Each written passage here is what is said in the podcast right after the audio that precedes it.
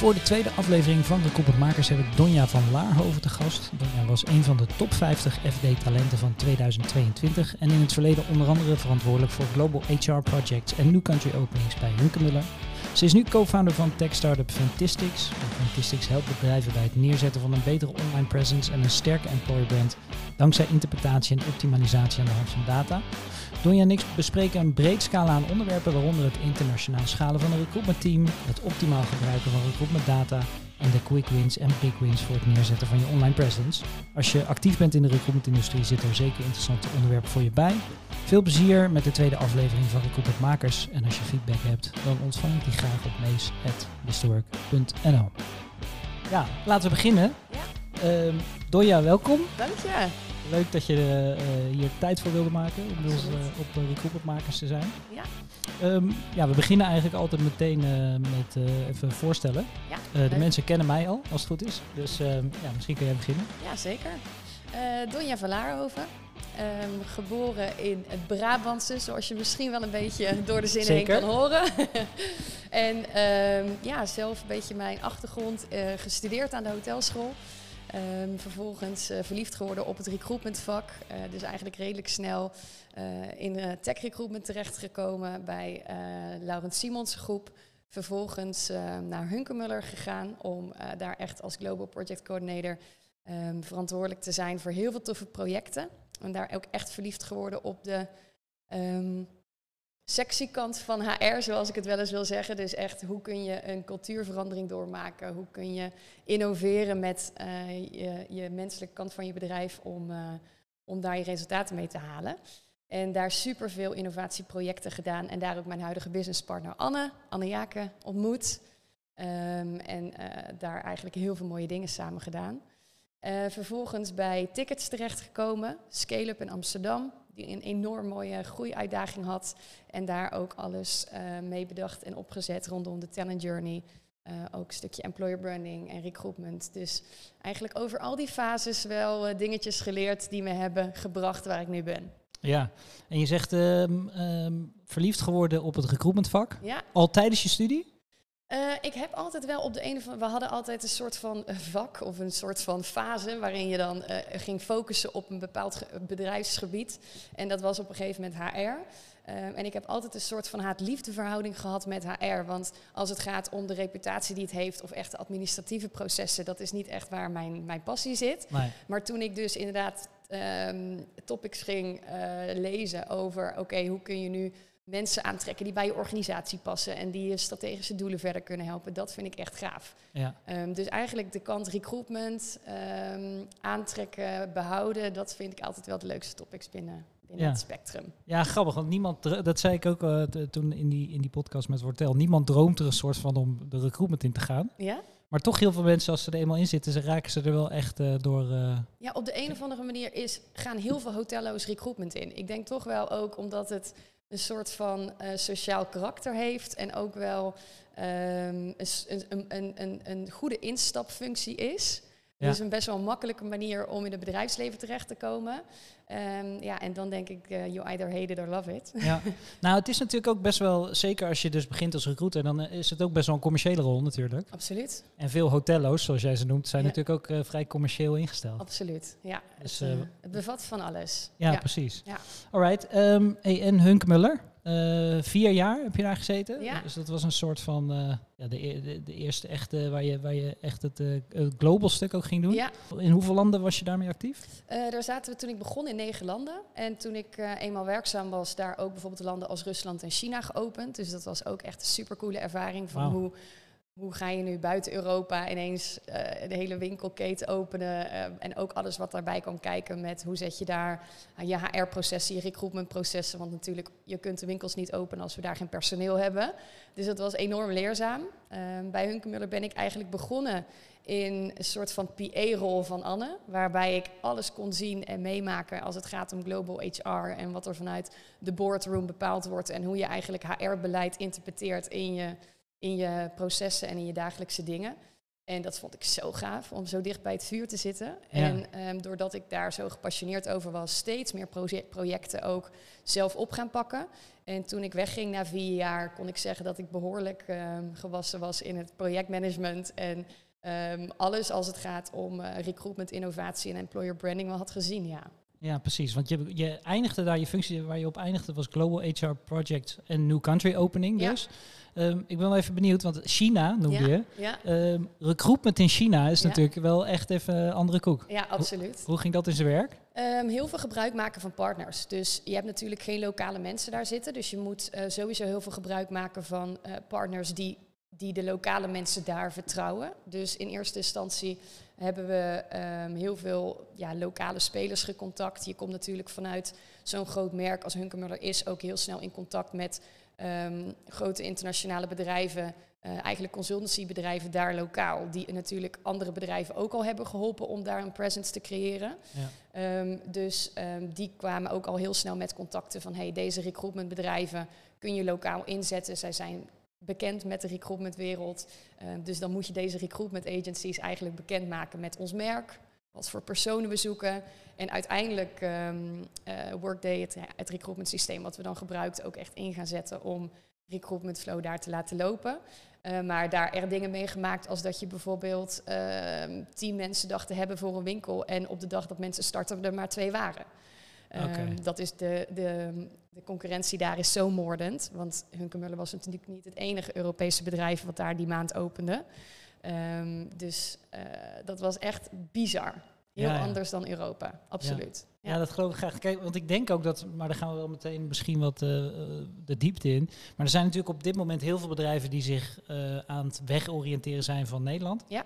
Mede door de krapte en natuurlijk ook omdat het remote werken wat meer de standaard wordt. Ehm, dus daar zit wel heel veel in, denk ik, ehm, van bedrijven die, die echt zeg maar dat probleem op dit moment hebben. Ja. En hoe ze dat gaan aanpakken in het buitenland. China is dan wel meteen weer heel ver weg Heel natuurlijk. ver, ja. Dus, eh, maar dat was wel leuk om even wat eh, over te horen. Maar als je nou zegt, eh, ja, je gaat naar Duitsland of Spanje, ehm, zeker binnen Europa. Ik heb het zelf ook meegemaakt met Mr. Work. Er zijn natuurlijk heel veel, ik heb zelf ook in Duitsland gewoond, dus er zijn heel veel culturele verschillen. ja. Wat zijn de dingen waar, je primair, waar, die, waar, waar bedrijven primair rekening mee moeten houden? Op het moment dat ze internationaal gaan schalen, Ja. bedoel je? Met Eh, name de werving dan? Ja, ik denk, ehm, goede vraag. Ik denk dat het sowieso heel erg belangrijk is en dan gaan we inderdaad al een beetje de inhoud in. Maar op het moment dat je bezig gaat met ehm, recruitment en het opzetten van recruitment erg- ergens, dat je altijd moet beginnen met data en kennis en, en market research. Dus dat is natuurlijk ook enigszins waar ik in mijn werkzaamheden nu voor sta. Ehm, maar weten wat de markt doet. Dus er weten, goed weten, wie heb ik daar nodig? Is dat een techpersoon? Is dat een, ehm, een salespersoon? En heel goed snappen eh, wat de verschillen zijn tussen bijvoorbeeld de salespersonen die je nu al in dienst hebt en de salesomgeving die het nieuwe land heeft. En ehm, samen eigenlijk met lokale spelers of hè, lokale kennis opdoen. en ook echt uitgaan van marktresearch daar. Om te snappen van waar, wat ga ik tegenkomen. En zoek ik inderdaad de persoon die ik nu voor ogen heb. Of is dat, heeft die andere. Hè? Het kan bijvoorbeeld be- best zo zijn dat in Duitsland een salespersoon helemaal niet gewend is om bepaalde bonusstructuren te hebben. Of juist wil, wil die het heel anders dan jij dat hebt ingeregeld. Mhm. Dus heel goed weten wie zoek ik. Ehm, wat trekt die persoon aan? En eigenlijk dan pas te gaan handelen. Ja. Wat je heel vaak ziet gebeuren is dat eh, vooral natuurlijk snel schalende bedrijven, die, die gaan een soort van rennen voordat ze kunnen lopen. Eh, alles moet snel, want anders dan haalt de concurrent je in. Dus ook recruitment. En daar worden eigenlijk door de snelheid aan het begin, ehm, wordt er inderdaad misschien dan wel drie stappen vooruit gedaan, maar vervolgens zes stappen terug. Omdat ze niet de juiste personen aantrekken, de verkeerde verwachtingen hebben gecreëerd. ehm, en daarmee dus niet het team eh, creëren die ze duurzaam kan helpen naar de toekomst toe. Ja. En is dat dan ook, want eh, dan hebben we het inderdaad over internationale schaling. Ja. Ehm, eh, dus dat is misschien weer anders. Dat is ook nog wel even leuk om misschien zo op terug te komen. Dat is natuurlijk anders als je vanuit Nederland internationaal wil werven voor eh, een Nederlands bedrijf. Ehm, maar wat ik zo hoor is dat het wel, dus die culturele verschillen zijn dan heel groot eigenlijk. Ja. Ehm, hebben jullie daar bij Hu- Hunkemuller bijvoorbeeld ook dan echt met internationale, bijvoorbeeld ik ga naar Duitsland en ik, ik zet daar een Duitse recruiter per se neer, omdat die gewoon beter de, de taal machtig is of de cultuur eh, in kan schatten. Zijn jullie altijd met lokale mensen daar ook begonnen? Ehm, altijd wel iemand. Dus ehm, Duitsland heb ik zelf niet geopend. Dus toen ik zelf bij, bij uh, kwam, toen was er al een groot Duits recruitment team. Uh, maar de ervaring daar heeft ook echt geleerd dat er inderdaad andere dingen zijn waar zij naar zoeken. Um, dat recruitment en, en überhaupt gewoon de processen en de voorwaarden en alles wat er eigenlijk bij recruitment komt kijken, gewoon anders kan zijn in bepaalde landen dan denk je Duitsland en België zijn, zijn niet zo ver van ons weg. Maar het is echt absoluut, kan het voelen alsof je in China recruit. Um, ten opzichte van hè, inderdaad culturele of, of voorwaardelijke verschillen. Um, dus lokaal iemand hebben is altijd wel te adviseren. Um, hoeft niet altijd in dienst te zijn, kan ook een externe zijn, maar de ja. kennis daar is gewoon heel belangrijk. Ja, alright. Nou, leuk. Maar lijkt me uh, een mooie, uh, mooie job ja. bij, bij Hunkemuller. Ja, maar zeker. Uh, het was toen toch tijd dus inderdaad voor een change Ja. op een gegeven moment. Wilde je de start-up wereld in? Of um, was dat de Ehm, primaire drijfveer? Een grote, ja, klopt. Ik had uh, natuurlijk toen uh, ruim vier jaar uh, echt een groot internationaal bedrijf meegemaakt. Um, waarin ik natuurlijk heel specifiek een, een bepaalde rol bekleedde. En vervolgens had ik heel erg behoefte om het um, in een kleiner bedrijf te kijken hoe dat zou werken als je diezelfde principes. Ik had heel veel geleerd op dat moment om dat daar te kunnen doen, om die impact daar ook echt voor te kunnen maken. Um, en toen kwam Tickets op mijn pad en um, zij hadden op dat moment, um, uh, ging zij een enorme groei in. dus we hadden op dat moment wel uh, 80 nieuwe rollen die we dat jaar zouden moeten aannemen. Uh, maar stond echt nog in de kinderschoenen als het ging om automatisering. ja, eigenlijk alle basisprocessen, basisprincipes van hoe je uh, werken bij dat bedrijf uh, tof kon maken en hoe je de employee journey kon inrichten, dat stond echt nog in de basis. En daar in een uh, ruim jaar tijd ook echt super veel gave dingen kunnen doen. Gelukkig ook een managementteam, wat altijd een hele belangrijke is, die daarvoor open staat. Die ja. ook snapt um, dat, je, um, dat je mensen een belangrijke uh, basis zijn van, van je bedrijfssucces. Um, dan kan je zoveel mooie dingen maken. En dat is echt heel kicken. Ja. Ben je daar bezig geweest met zowel de candidate journey als de employee journey? Ja. Dus, dus zowel het recruitment stuk als echt uh, daarna? Klopt. Ja, dus daar eigenlijk echt begonnen met het inzichtelijk maken. Ja, ik ben een data junkie. Dus ook daar weer begonnen met, oké, waar staan we nu? Welke processen hebben we nu? Wat, wat kan beter? Waar willen we versnellen? Uh, waar zijn de principes? En ook eigenlijk continu jezelf de vraag stellen. Dat probeerde ik daar ook heel erg in de praktijk te brengen. Wat ik natuurlijk bij Hunkemuller en van Anne heel erg had geleerd. Is continu de vraag te stellen hoe kunnen wij met onze afdeling bijdragen aan het strategische succes van, van, van het bedrijf. En dat bij tickets heel principieel ingebracht. Met alle acties die ik deed, stelde ik mezelf die vraag. En geen dingen gaan doen die daar niet aan bijdragen. Waardoor je heel snel ook een soort van buy-in krijgt van het managementteam. Waarvan ze denken van, hé, hey, wauw. De projecten of de initiatieven die ze neemt, zijn er niet zomaar om geld uit te geven of omdat je denkt dat het een leuk projectje is, maar concreet om bij te dragen aan waar wij naartoe gaan met ons bedrijf. En dan krijg je een heel ander gesprek. En dan kom je in één keer in een hele andere dynamiek vanuit je uh, HR-afdeling. En dat zijn echt, um, ja, daar krijg ik heel veel energie van. Ja, ja, ja. dat kan ik me voorstellen. Ja. En uh, zeker, want dit, dit is natuurlijk een heel vooruitstrevend bedrijf. Uh, Ja. Wat tra- meer traditionele bedrijven lijkt me dat een grotere uitdaging. Maar daar komen we misschien wel even nog op als we naar je huidige, uh, Ja. uh, ja, hoe zullen we het noemen, gig gaan. en dat is, uh, je bent co-founder van Ventistics. Ja, klopt. Vertel. Vertel, ja, dit was um, twee jaar geleden. Um, dus nogmaals, Anne is mijn huidige businesspartner. Haar ontmoet bij Hunkemuller natuurlijk en altijd heel goed contact gehouden. Maar waar, onze, waar we elkaar altijd het meest op konden vinden, was dat wij allebei Um, en ik natuurlijk mede aangedreven door haar, omdat ik uh, natuurlijk echt wel heel veel daar heb geleerd. Maar altijd bezig was met hoe kan dit beter? En hoe kunnen we innovatie um, inzetten om um, eigenlijk recruitment en, en HR te verbeteren. En de grap is dat in de realiteit binnen heel veel HR-afdelingen is dat iets engs of iets spannends. Innovatie is toch een soort van ver van je bedshow. Het, het is, is waar, uh, waar heel veel HR-mensen natuurlijk ook niet voor opgeleid zijn. Dus gewoon uit de basis van het start van de carrière niet gewend zijn om met nieuwe HR-tools te werken of continu bezig te moeten zijn met data of met, met bepaalde dingen. Um, en toch hadden wij dat altijd. We wilden altijd bezig zijn met hoe kunnen we de reputatie van HR veranderen, hoe kunnen we innovatiever zijn om op die manier ver verandering te kunnen brengen. En toen we bij um, Hunkemuller samenwerkten, ontstond er eigenlijk al een soort van probleem Waar we ehm, natuurlijk heel veel bezig waren met toffe implementaties.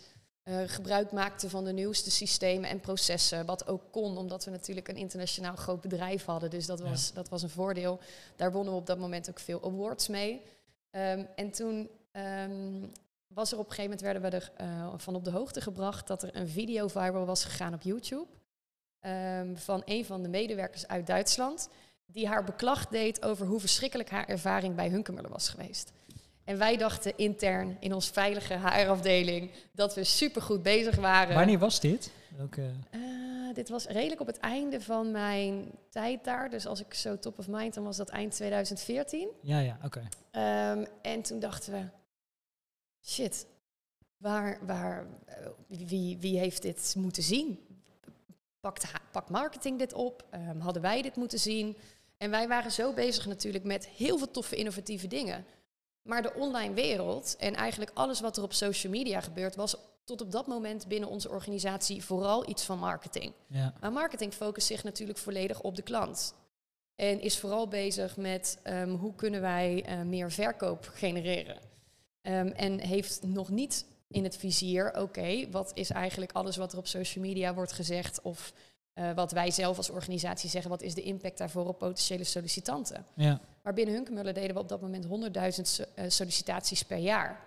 Ehm, dus wel degelijk, wel degelijk een behoorlijke funnel. En je hoeft niet eens een grote funnel als dat te hebben om ehm, online in te moeten, te moeten, eigenlijk de online wereld te moeten manipuleren om dat in je recruitmentprocessen ehm, tot succes te kunnen laten leiden. En eigenlijk dat stukje, de, die, die wrijving die is ontstaan van hey, hoezo hebben wij niet in de gaten gehad dat dit op social media gebeurde? is toen eigenlijk bij ons als een soort van vraag en oplossing en frustratie eigenlijk ook naar voren gekomen van hoezo bestaat hier niks voor. Toen zijn we dus ook gaan kijken, zijn er geen tools of geen mogelijkheden voor om hier als HR grip op te krijgen. Nu zijn er natuurlijk heel veel eh, ja, monitoring tools die voor wederom voor marketing hierop inspelen. Ja. Maar op het moment dat je een HR-persoon een datadump geeft van alle social media en online data die er bestaat, dan hebben ze geen idee. En eh Fantistics ehm, speelt daar eigenlijk op in door deze inzichten te kunnen bieden aan HR-teams, maar ook daadwerkelijk ehm, ehm, alleen maar de juiste dingen te laten zien waar ze iets mee moeten. En de adviezen mee te kunnen geven van oké, wat er online gebeurt, hoe kun je ook je werkgeversmerk op bepaalde platformen beter laden. Eh, wat doet je concurrentie? Dus ook echt inzicht geven in hoe ziet de markt eruit, Ehm, waar sta jij ten opzichte van je concurrenten, hoe score jij ten opzichte van je concurrenten. Ehm, maar ook bijvoorbeeld ehm, zijn jouw eh, managers in jouw organisatie en jouw HR-medewerkers in jouw organisatie ehm, hun eigen persoonlijke profielen wel in staat om daar talent mee aan te trekken? Stellen zij zich op als ambassadeur van je organisatie? Dus hele specifieke elementen binnen dat online wereld, die brengen wij naar een tool, waardoor HR eigenlijk heel hapklaar heel deze space, die toch vaak wel nieuw en ook nog spannend is, kan begrijpen en kan implementeren. Ja. Ehm, dus eigenlijk de behoeften die we zelf hadden, hebben wij ehm, ja, bedacht in een propositie. Ja, precies. Vaak, vaak de manier om een bedrijf te beginnen natuurlijk. ja.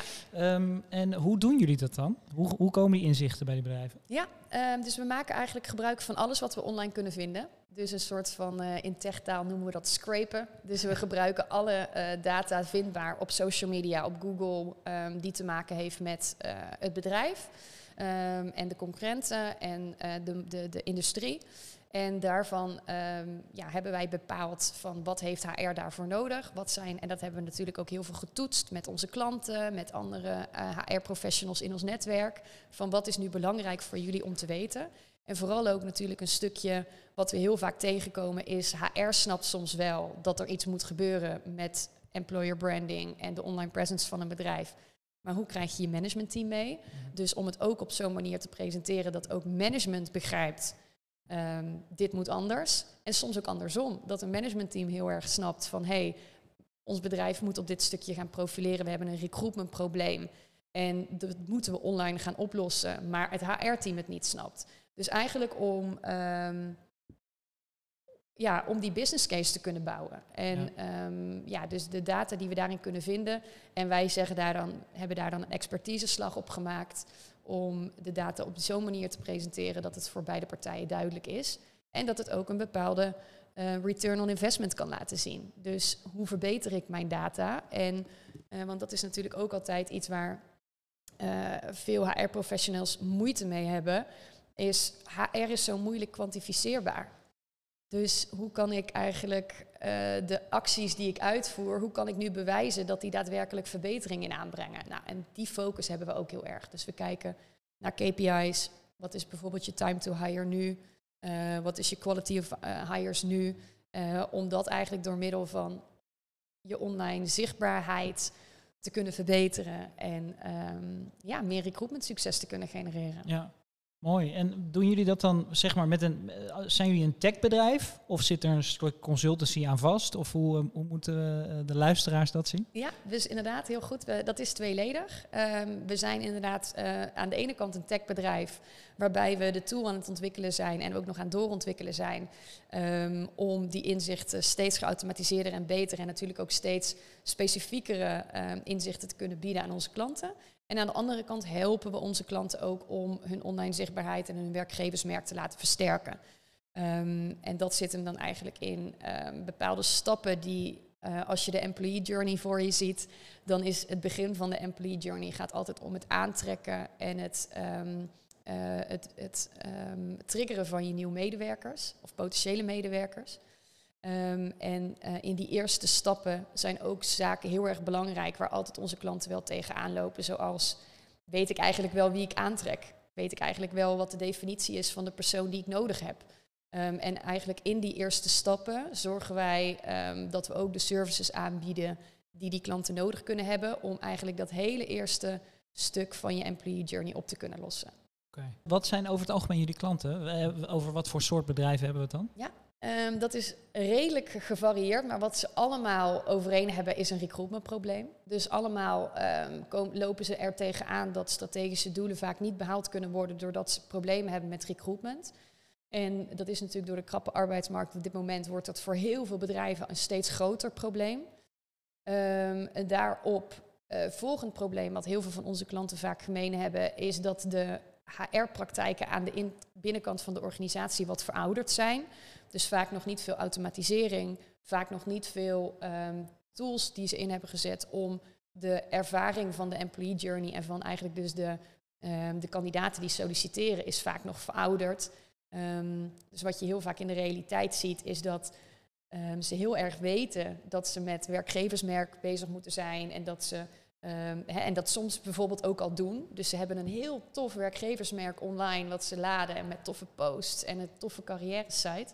Maar vervolgens komt de sollicitant solliciteren en dan horen ze vervolgens drie weken niks. Mm -hmm. Of um, ja, is het proces gewoon, duurt het, duurt het bij wijze van spreken wel een kwartier om te moeten solliciteren. Waarschijnlijk zijn er nu mensen die luisteren en denken, een kwartier, dat moet je toch wel over hebben voor een sollicitatie? Ja, ja ouderwetse gedachten. Ja, ja, ja, absoluut. Nee, um, daarin is absoluut een, een afgeleide dat ieder minuut die uh, je sollicitatie langer duurt, um, zorgt ervoor dat 4% van je sollicitantenfunnel afvalt.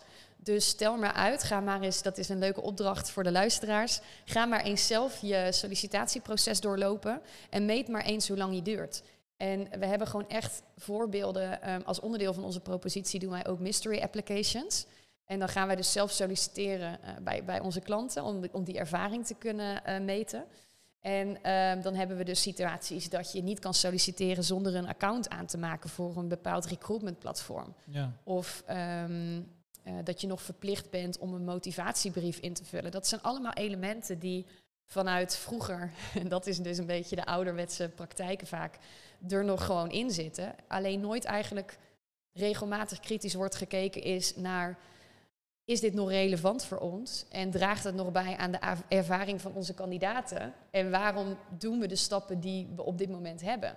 En eigenlijk het regelmatig herzien van, uh, van die journey en het versnellen van die journey. Want het gaat echt om snelheid en ervaring. Um, dat is echt belangrijk om uiteindelijk een betere reputatie te kunnen krijgen als werkgever. En daarmee continu beter te kunnen recruiten. Ja. Ja, en het zit natuurlijk ook, want je, je ziet het nog steeds inderdaad heel vaak, verplichte sollicitatiebrief, cv. Wij zien ook al, ja, pre-corona zagen we dat al, maar we, al jaren dat de sollicitatiebereidheid eigenlijk terugloopt van ja. kandidaten. Ja. Heeft natuurlijk ook met de krapte te maken. Ja. Hè? Dat, dat als, er, als er minder krapte is, zal het ook wel wat minder zijn. Maar ehm, een IT'er, die wordt natuurlijk, ja, die hoeft nooit te solliciteren, bijvoorbeeld. Want ja, die wordt vijf keer per dag gebeld door een recruiter, bij wijze Ja. van spreken. Absoluut. Dus daarom, dat- eh, ja, daarom is het ook zo belangrijk om te weten wie is mijn persona? Wie is, wat is de definitie van de persoon die ik aantrek? En het kan dus ervoor zorgen dat inderdaad als jou, jij veel IT'ers moet aannemen, dat die een andere ehm, aanpak nodig hebben dan bijvoorbeeld het aannemen van je salesmedewerkers. En daarom is er nooit een één en dezelfde oplossing, maar begint het altijd bij weten wat de situatie is. Dus weten wie is mijn persoon, wat vinden zij belangrijk, Ehm, wat is de waardepropositie die je kan bieden als bedrijf en sluit die aan bij de wensen van die persoon. Hè, daar kan natuurlijk soms ook nog wel eens een mismatch in zitten. Ehm, en, en pas dan te gaan handelen. Ja, En wat we gewoon in de realiteit heel vaak zien, helaas, is dat omdat er heel weinig kennis binnen, het, binnen heel veel HR-teams is op dit gebied, op online zichtbaarheid en werkgeversmerken en ehm, het profileren daarvan, is dat ze maar gewoon iets gaan doen wat ze online hebben gelezen. ja, Duizenden tot soms tonnen euro's uitgeven aan externe recruitment agencies omdat ze hun funnel niet gevuld krijgen. Of aan ehm, ehm, employer branding campagnes die nooit getoetst zijn op hun persona en cultuur. En dan vervolgens denk je, ja, alles wat ik heb gedaan werkt niet. Dus nu werkt mijn managementteam ook niet meer mee, want ik heb het al geprobeerd. En dat is eigenlijk, zien we continu, dat als ze waren begonnen met meten, met weten... en echt die business case hadden gebouwd aan de voorkant...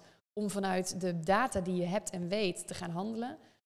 dat is eigenlijk 80% van het probleem. ja. Ja, ik, ik, ik kan het niet meer met je eens zijn, Ja. denk ik. En we komen natuurlijk ook heel vaak tegen dat ehm, ja, met name ook bedrijven he- heel veel moeite hebben. En dat is ook logisch eigenlijk om van buiten naar binnen te kijken in die zin. Ja. En ehm, bedrijven die toch ook wel vaak zelf kiezen om hun hele employer brand neer te zetten en hun creatieve concepten. Ehm, terwijl het vaak wel ook heel belangrijk is om even die blik van buiten naar binnen eh, te krijgen vanuit, vanuit bijvoorbeeld een creatief bureau. Ja. Eh, maar wat jullie doen is natuurlijk ook eigenlijk weer even vanuit, vanuit extern die spiegel voorhouden van hé, hey, dit zijn de dingen waar je, Ja. waar je rekening mee moet houden. Ja. Merk jij nog ehm, een verschil tussen de behoeften van, hè, want jullie werken waarschijnlijk met een aantal traditionelere bedrijven en een stuk meer vooruitstrevende bedrijven. Hunkemuller was zo'n vooruitstrevend eh, bedrijf. Ja, Ehm, merken jullie een verschil tussen zeg maar, de data waar die bedrijven behoefte aan hebben? absoluut. Er zijn, ehm, ik vind het persoonlijk soms gewoon shocking dat, ja, we werken met traditionele bedrijven, maar dat zijn ook gewoon hele succesvolle bedrijven.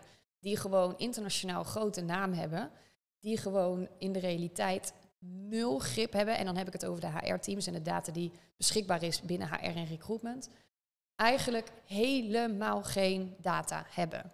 Gewoon niet. Als je Mhm. vraagt wat is de gemiddelde looptijd van het plaatsen van je vacature tot het tekenen van het contract, weten ze niet. Ehm, wat, eh, hoeveel vacatures heb je eigenlijk, weten ze niet. En dat is chockerend, vind ik, omdat dat toch in ieder geval op het moment dat je met je managementteam wil gaan praten over verbeteringen in jouw afdeling, zijn dat de eerste dingen die je in kaart moet hebben. En over wat gaat er mis? Waar loopt mijn funnel op leeg? Zit het er me wel in dat, ehm, dat ik te weinig kandidaten heb? Of misschien zit het er helemaal niet in dat je te weinig kandidaten hebt, maar dat je de verkeerde kandidaten hebt. Of dat je eh, mensen verliest gedurende je recruitmentproces. En pas als je dat gaat snappen, kun je ook een serieuze gesprekspartner zijn voor de mensen aan de andere kant van de tafel.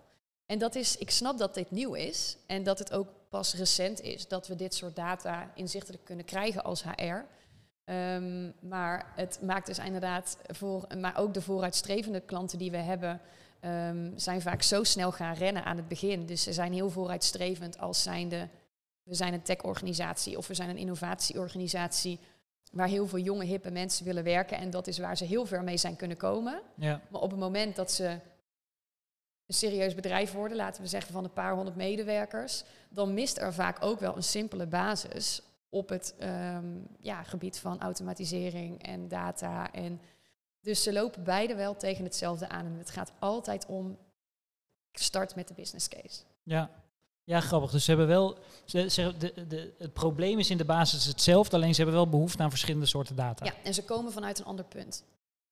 Dus inderdaad, wa- wat je wel vaak bij traditionele bedrijven ziet, is dat ehm, eh, daar natuurlijk ook vanuit eh, de generatie daarin eh managementteams eh, vindt het ook moeilijker om dit te begrijpen. Dus die moet je veel meer meenemen. En dus nog eigenlijk is die data nog crucialer om ze te laten begrijpen wat het probleem is en waarom, waarom de online wereld zo belangrijk is om recruitment op te lossen. Ja, en, En- maar, dan, maar dan begint het dus, sorry dat ik Nee, je maar de- dat, dan begint het dus echt met een, een bij wijze van spreken een, een advertentie in de krant eh, gaat hem niet meer worden. Ja. Dat is natuurlijk waar sommige bedrijven nog zitten. Ja.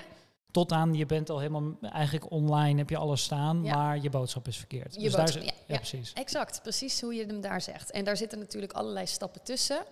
Eh, maar het gaat erom dat, dat degene, de beslissingsmakers en de mensen in de HR-teams moeten begrijpen waar voor hun het probleem zit. Ja, oké. En ehm, wat, ehm, even, los van zeg maar dat stukje data over, oké, wie zoek ik dan en waar ben ik nou echt naar op zoek en wat willen die mensen? Zijn er nog andere, eh, zeg maar, overeenkomsten die je ziet tussen die bedrijven als, als het gaat om, oké, deze data missen bedrijven vaak of op basis van verkeerde data gaan ze aan de slag? Ehm, ja, ik denk dat, dat eigenlijk dat laatste wat je zegt, dus op basis van verkeerde data gaan ze aan de slag, is vaak wat er gebeurt. Kijk, termen zoals employer branding en, eh, nou ja, laat ik die term gebruiken, term als employer branding eh, is best breed. Employer branding kan worden gezien als een creatieve campagne, maar employer branding kan ook worden gezien als wat is je eh, waardepropositie als bedrijf. Employer branding kan ook worden gezien als wat voor posts post ik op social media.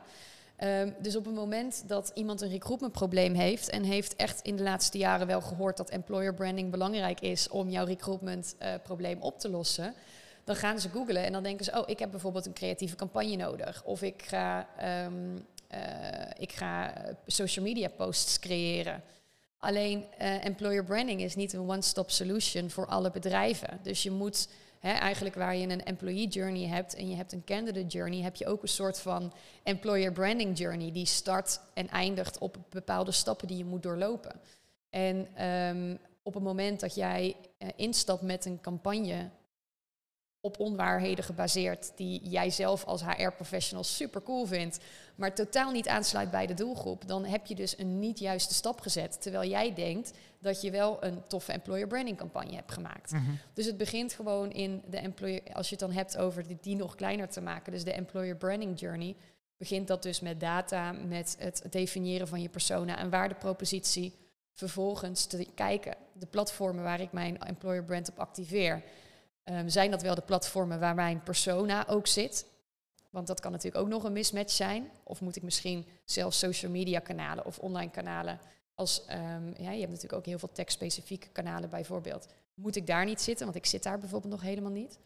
Ehm, om vervolgens dan die strategie en die data in te zetten in een plan. Ja, En te zorgen dat je medewerkers betrokken raken. Want hè, posts en input en reviews van jouw medewerkers zijn veel betrouwbaarder dan de coole content die jij zelf als bedrijf bijvoorbeeld zou maken. Dus hoe zet je je medewerkers vervolgens in om eigenlijk heel dat employer branding stuk, het is eigenlijk een stukje cultuur dat de online wereld raakt. Dat Ja. is eigenlijk alles wat employer branding is.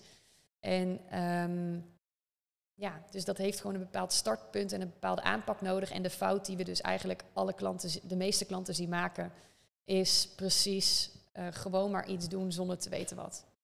zie je nu ook, ik kan me ook voorstellen dat je vaak ziet terugkomen dat.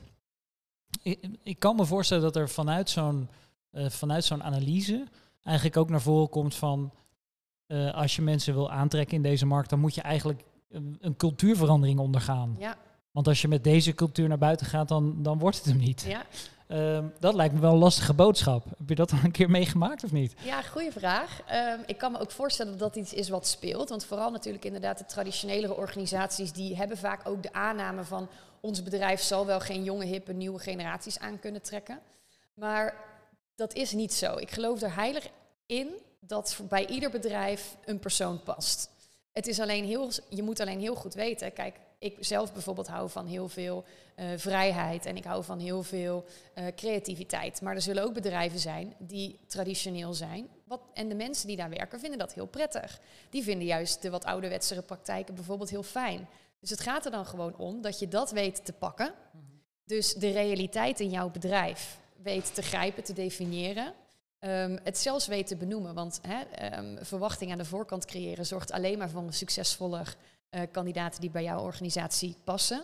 En juist die elementen te gebruiken um, om uiteindelijk de juiste persoon voor jou aan te trekken. En natuurlijk zijn er elementen als, als blijkt uit heel veel reviews op Glassdoor en Indeed dat het senior management team in het bedrijf heel erg van micromanager houdt en eigenlijk ook een soort van onveilige omgeving creëert. Tuurlijk zijn dat dingen die aangepakt moeten worden. En daarom hou ik ook zo van die online wereld, omdat dat eindelijk inzichtelijk wordt. Ja. Uh, ik ben, durf ook best te zeggen dat ik geen voorstander ben van de medewerker tevredenheidsonderzoeken, want dat is vaak toch een soort van um, ja, gewenst gedrag wat daaruit naar voren komt. Daar komt nooit de hele realiteit uit naar voren.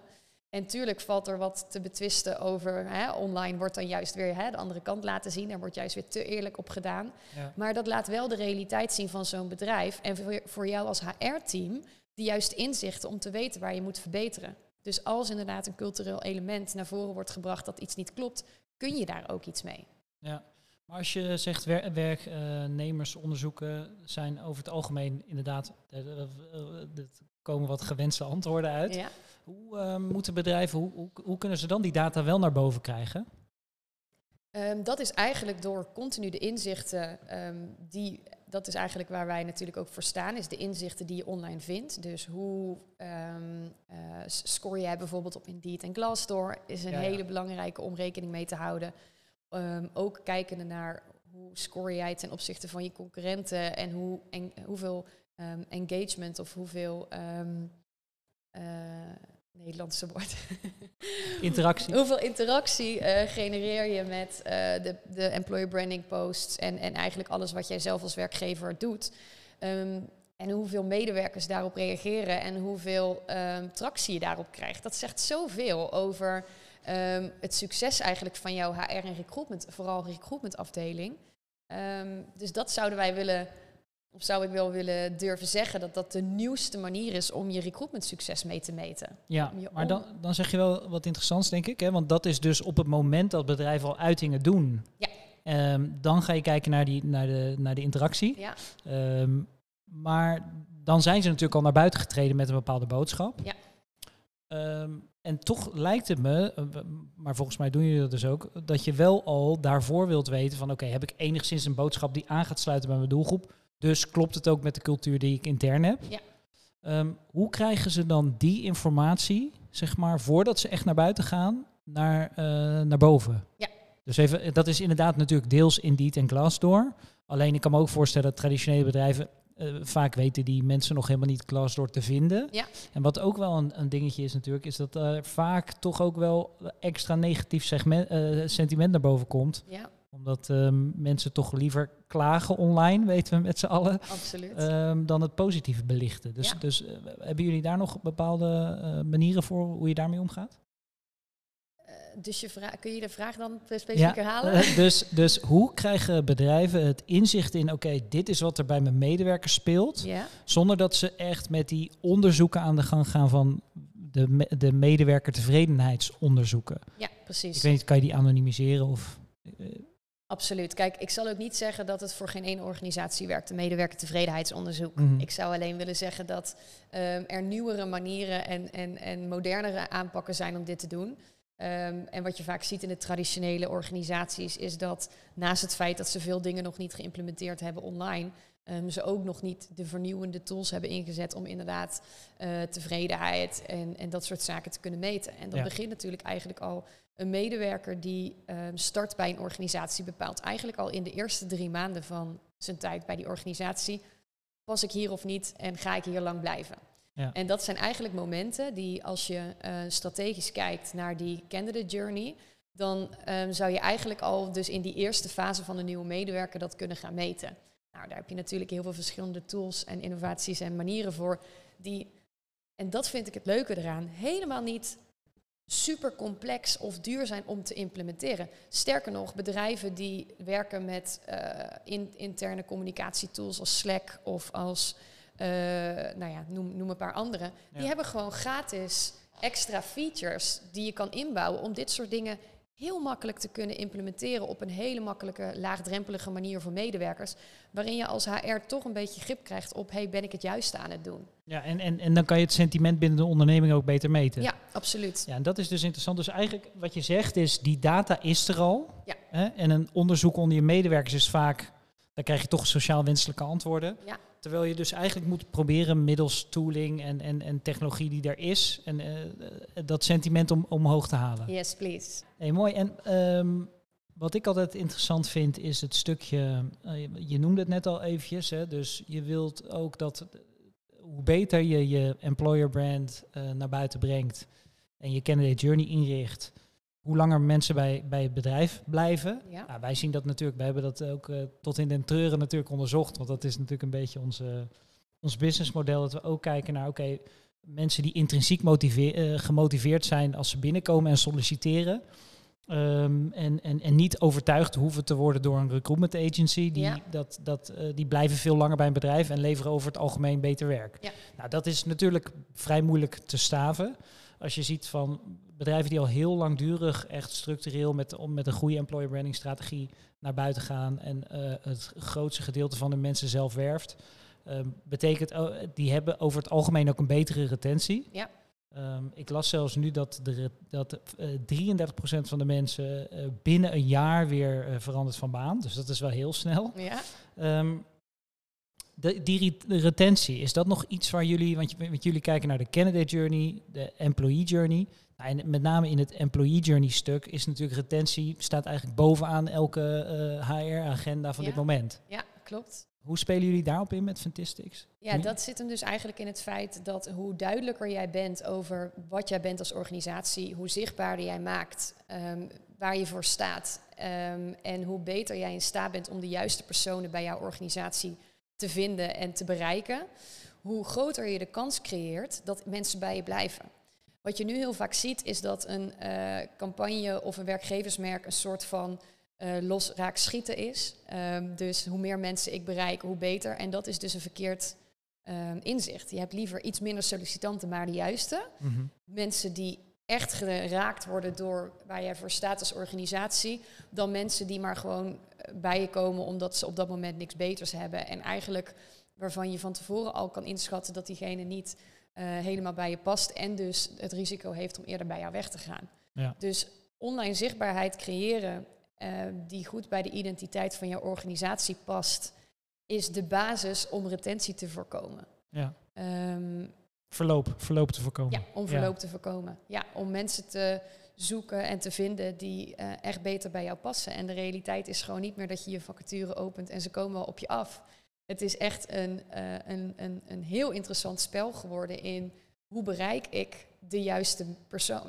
Ik vond het mooi ook voor dat we gingen recorden in deze podcast, dat je inderdaad ook aangaf van het is inderdaad al lastig voor bedrijven die nog niet een basis hebben op dit principe, om in ieder geval de bedrijven die al zoveel stappen verder zijn in te halen. Ja. En wat ik daarvan heel kicken vind, en dat vind ik ook wel heel gaaf in hetgene wat ik doe, is um, dat de impact die we heel simpel kunnen maken voor dit soort bedrijven, dus waarvan het de termen als employer branding heel groot kunnen klinken, dat we echt binnen vier weken daar zo gigantisch veel impact kunnen maken dat een recruitment funnel die nooit liep ineens de juiste kandidaten bevat door echt um, hele simpele dingen te doen.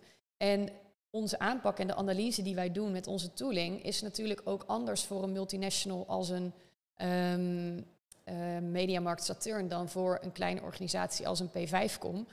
Omdat de schaal en de beginstappen die je zet ja. anders zijn. Wij noemen dat zelf uh, quick wins en big wins. Quick wins zijn stappen die wij adviseren om te zetten, um, die eigenlijk weinig tijd en vaak geen budget nodig hebben. Dus die jij meteen kan doen en die voor het online zichtbaarheidsstuk en voor jouw werkgeversstuk uh, um, meteen inzetbaar zijn om impact te kunnen maken. Dus heb jij nu een behoefte aan meer kandidaten, hoef je alleen maar die quick wins in te zetten en dan gaat dat al verbeteren. En over wat voor dingen hebben we het dan bijvoorbeeld? Ehm, nou ja, dat kunnen hele simpele dingen zijn als inderdaad wat je aanhaalt. Überhaupt het zorgen dat een account komt op de belangrijke platformen als een Indeed en een Glassdoor. Dat daar foto's, dat daar reviews op komen. Ehm, dat er ehm, eh, dat alle LinkedIn-profielen van managementteams en de HR-teams up-to-date zijn. Zodat ze ook daadwerkelijk aantrekkelijk zijn voor nieuwe kandidaten om, om naar te kijken. Dus dat soort simpele dingen. Ehm, hè, en dan bieden wij natuurlijk ook de handvaten en uh, de skills om dat dan vervolgens ook te kunnen doen. Maar als je die basiselementen al inzet, en dat zien we al, dan gaat in één keer die, die recruitment funnel lopen met, met uh, nou dan wordt vaak echt meteen verdubbeld. En dat vind ik dan echt heel cool om dat te zien. En juist zeg maar de quick wins voor een grote multinational als een Mediamarkt Saturn, daar is het vaak wat moeilijker. Daar, daar moet vaak het beslissingspatroon over wat gaan we veranderen en hoe gaan we dat doen, dat gaat vaak door meer lagen heen. Dus die zijn vaak niet in staat om snel te schakelen, waardoor het altijd toch wel wat langer duurt. Dus ook al hebben zij meer resources en um, hè, kan het soms eigenlijk de impact die we maken voor een kleine organisatie net zo groot zijn. Ja. En dat is heel tof aan hetgene wat we doen. Ja. Je noemde net al even de roadmap. Ja. Uh, ja, dat is wel interessant. Waar, waar gaan jullie naartoe met Fantastics en um, waar staan jullie over vijf jaar? Ja. Is bijna een, bijna een soort sollicitatievraag. Hè? een traditionele sollicitatievraag. Nu moet ik ambitieus zijn. ja. uh, we hebben nu sinds um, september een nieuwe techpartij uh, met wie we een samenwerking zijn aangegaan. Um, dus de handmatige vorm waarin wij nu onze tool aanbieden, um, die zal de komende maanden steeds meer worden geautomatiseerd en richting een dashboard worden gevormd. Dus dat is echt gaaf dat we op die manier natuurlijk ook beter worden en sneller worden in het genereren van de inzichten voor bedrijven, zodat we ook meer bedrijven kunnen helpen. Mm -hmm. Ook in andere vormen op die manier. Uh, daarin gewoon schaalbaarder en uh, flexibeler kunnen zijn. Daarnaast hebben we natuurlijk de consultancy uh, gedeelte om daarmee bedrijven te kunnen laten ondersteunen. Dat zouden we niet intern, maar hè, in samenwerkingen willen laten doen. Omdat we het super belangrijk vinden dat de kennis en de kunde die rondom dit topic leven, te weinig aanwezig is in de HR-teams. Mm -hmm. Dus we hebben bijvoorbeeld ook een uh, online academy gecreëerd waarin wij onze kennis delen op een hele toffe, interactieve totaal niet in de vorm van uh, uren duren langende uh, stukken tekst en video's die je moet kijken, maar gewoon kant en klaar in een anderhalf uur quick workshop, brainstorm, waarin je um, eigenlijk alle kennis jezelf kan toedoen. En op het moment dat dus de tool daarin steeds um, sneller gaat, schaalbaarder wordt, willen wij ook ja, internationaal gaan groeien, meer bedrijven kunnen helpen en de data natuurlijk die we kunnen verzamelen door middel van uh, onze inzichten ook kunnen gaan gebruiken om marktinzicht te krijgen, te kijken wat werkt, wat werkt niet. Ja. We hebben nu natuurlijk op basis van de klanten die we hebben mogen helpen heel veel inzichten gekregen. Maar misschien dat de toekomst en de data die we inzichtelijk maken wel hele verrassende inzichten hebben. En omdat natuurlijk de arbeidsmarkt zo veranderlijk is, um, ja, willen we daar echt vooruitstrevend in zijn en um, eigenlijk het startpunt worden van iedere recruitment journey. Het startpunt worden van iedere recruitment journey, Ja. dat zou heel mooi zijn. Ja, Ehm, en als je kijkt naar, want we hadden het net al even over de employee journey. Ja. Toen gaf je ook aan, dat staat wel ergens op de roadmap. Hoe Ja. zie je dat voor je, zeg maar productinhoudelijk? het mooie vind ik aan ehm, de ontwikkelingen binnen de HR-tech. Dus dan heb ik het over eigenlijk de innovatieve tools die worden ontwikkeld om, ehm, om HR-teams eigenlijk en, en, en bedrijven te verbeteren. Is dat ehm, er nu zoveel mooie ontwikkelingen of zoveel mooie tools ontwikkeld worden die elkaar ook kunnen helpen en versterken. Daarom denk ik bijvoorbeeld ook dat, eh, bijvoorbeeld als we kijken naar Mr. Work en Fantastics, ehm, wij pretenderen ook dat je altijd moet blijven meten en ehm, je alleen maar moet beginnen met een employer branding campagne op het moment dat je je succes kan blijven bewijzen. Dat zou kunnen betekenen dat je begint met een analyse met Fantastics, daardoor weet wat de juiste stappen zijn om te zetten. Vervolgens een employer branding campagne creëert waarin je een andere tool, zoals bijvoorbeeld Mr. Work weer kan inzetten, Ja. om te kunnen blijven meten of dat je inderdaad de juiste dingen doet. En als het dan bijvoorbeeld gaat om een stukje onboarding, ehm, hè, zijn er heel veel andere tools die veel beter zijn in het zijn van een onboarding tool dan wij ooit zouden kunnen zijn. Ja. En door die tools eigenlijk heel simultaan met elkaar te kunnen laten integreren, kun je eigenlijk een landscape, een landschap voor jezelf ehm, creëren als HR-team, als bedrijf, die waarbij je de beste tools in de markt inzet op de beste elementen in jouw employee journey, waar jij als bedrijf behoefte aan hebt. Ehm, en dan hoeven wij dus onze tool ook niet te gaan ombouwen naar iets wat het niet zou moeten worden. Wat ik daarmee wel um, eventueel als optie voorzie, is dat we zo goed zijn in de toekomst in het uh, verzamelen van data. Um, dat we bijvoorbeeld wel data die dus uit een onboarding tool komt of die uit een engagement measurement komt, ook in onze tool gaan laden. Zodat het natuurlijk wel heel cool is om te kunnen gaan zien, hey, wat is nu de correlatie tussen mijn online zichtbaarheid en mijn online reputatie en mijn ziekteverloop? Ja. Of mijn uh, tevredenheid in mijn onboardingperiode. Uh, om wel echt te kunnen gaan zien wat ook de interne correlaties zijn tussen bijvoorbeeld ook productiviteit of omzet ja. En mijn recruitment succes. Ja. En dan is het natuurlijk wel heel cool om daar in de toekomst naartoe te gaan werken. Ja, ja dat zou echt geweldig zijn. Ik, ben ook, ik zou graag dat soort data afnemen. Ja? Um, omdat met name, wat, wat ik net ook al zei, dus dat causale verband tussen retentie en um, de juiste mensen aantrekken zelf. Dus met name autonoom in staat zijn om zelf mensen aan te nemen in plaats van uh, dat alleen via externe recruiters te doen. Um, die, die, dat causale verband is heel moeilijk aan te tonen ja. natuurlijk. Hè? Want het, ik bedoel, um, employee engagement en of mensen blij zijn in een bedrijf, dat hangt natuurlijk van heel veel factoren af. Ja. Maar wat jij ook al aangeeft, die eerste drie maanden zijn daar bijvoorbeeld al heel erg belangrijk in. Ja. Um, ik heb ook wel eens gelezen dat, want eigenlijk, het is natuurlijk ergens een salesproces van je bedrijf. Je verkoopt jezelf aan kandidaten.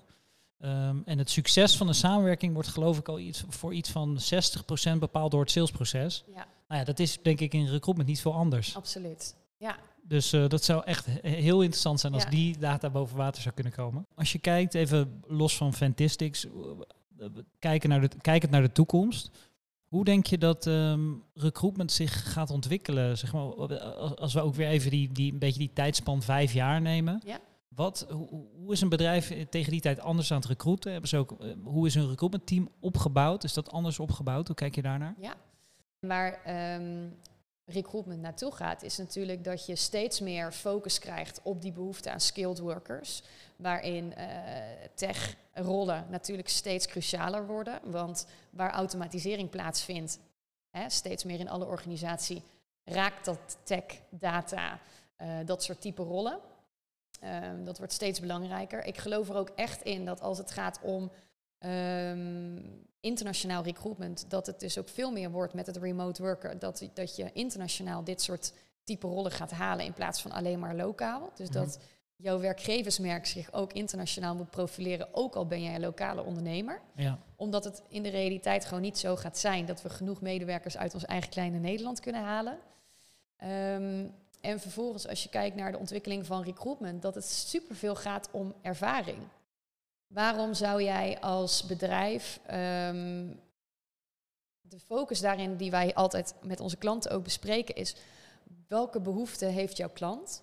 Wat is jouw, eigenlijk jouw, jouw, jouw customer journey? Wat mhm. beloof jij jouw klant? Wat vindt jouw klant belangrijk? En beloof dat ook aan jouw medewerkers. Want employer branding en uh, commercial branding gaan hand in hand.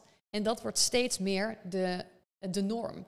Ja. Dus waar bijvoorbeeld topics als diversiteit en duurzaamheid heel belangrijk zijn voor klanten, zijn die net zo belangrijk voor medewerkers. Dus bedrijven of medewerkers willen niet voor een bedrijf werken met een slechte reputatie als product.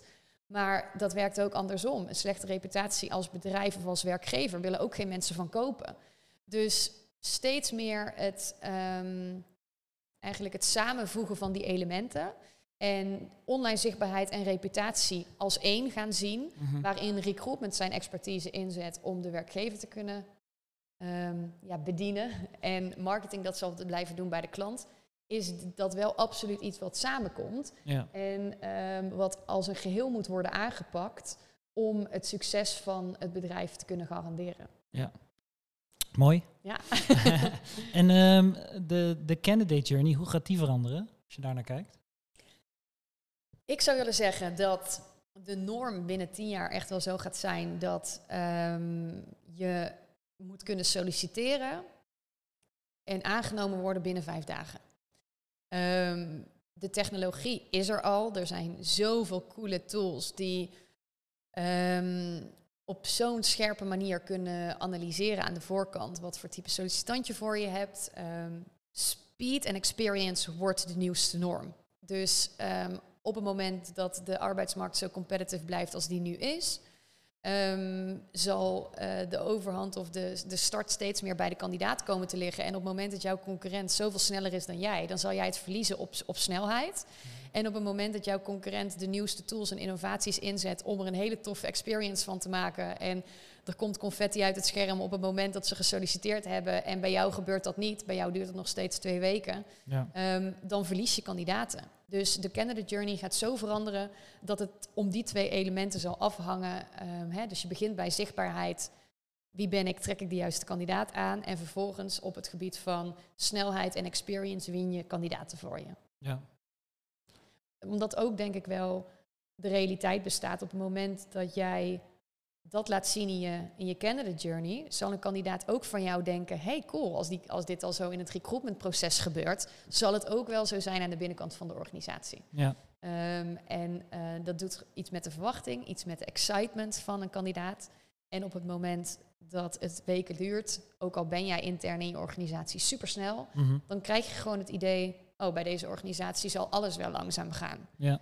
En dus om die processen eigenlijk helemaal gelijk te laten lopen, dat is denk ik de start van, uh, van het succes. Ja, ja. snelheid. Um, zit er ook nog iets, dat is, dat is, eh, moet ik zeggen, wel gekleurd door mijn persoonlijke mening deze vraag, maar zit er ook nog iets in het persoonlijker maken van die journey? Want we hebben het natuurlijk heel, heel veel over automation, over technologie. Ja. zitten we allebei helemaal in. We ja. hebben allebei een, een techbedrijf.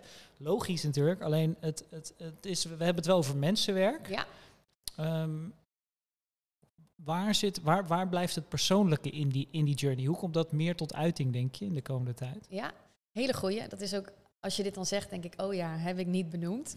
Um, absoluut heel erg belangrijk. Um, en al zit het er niet in dat je iedereen op een super persoonlijke, gecustomized manier mailtjes kan gaan zitten typen. Hè? Dus, dus de snelheid is daar nog in belangrijk. Maar juist door inzet van automatisering kun je een, ehm, een persoonlijk gevoel overbrengen. En het mhm. idee dat je iets heel persoonlijk benadert. En je ontkomt er nou eenmaal niet aan op het moment dat je ehm, met veel recruitment te maken hebt om automatisering toe te passen.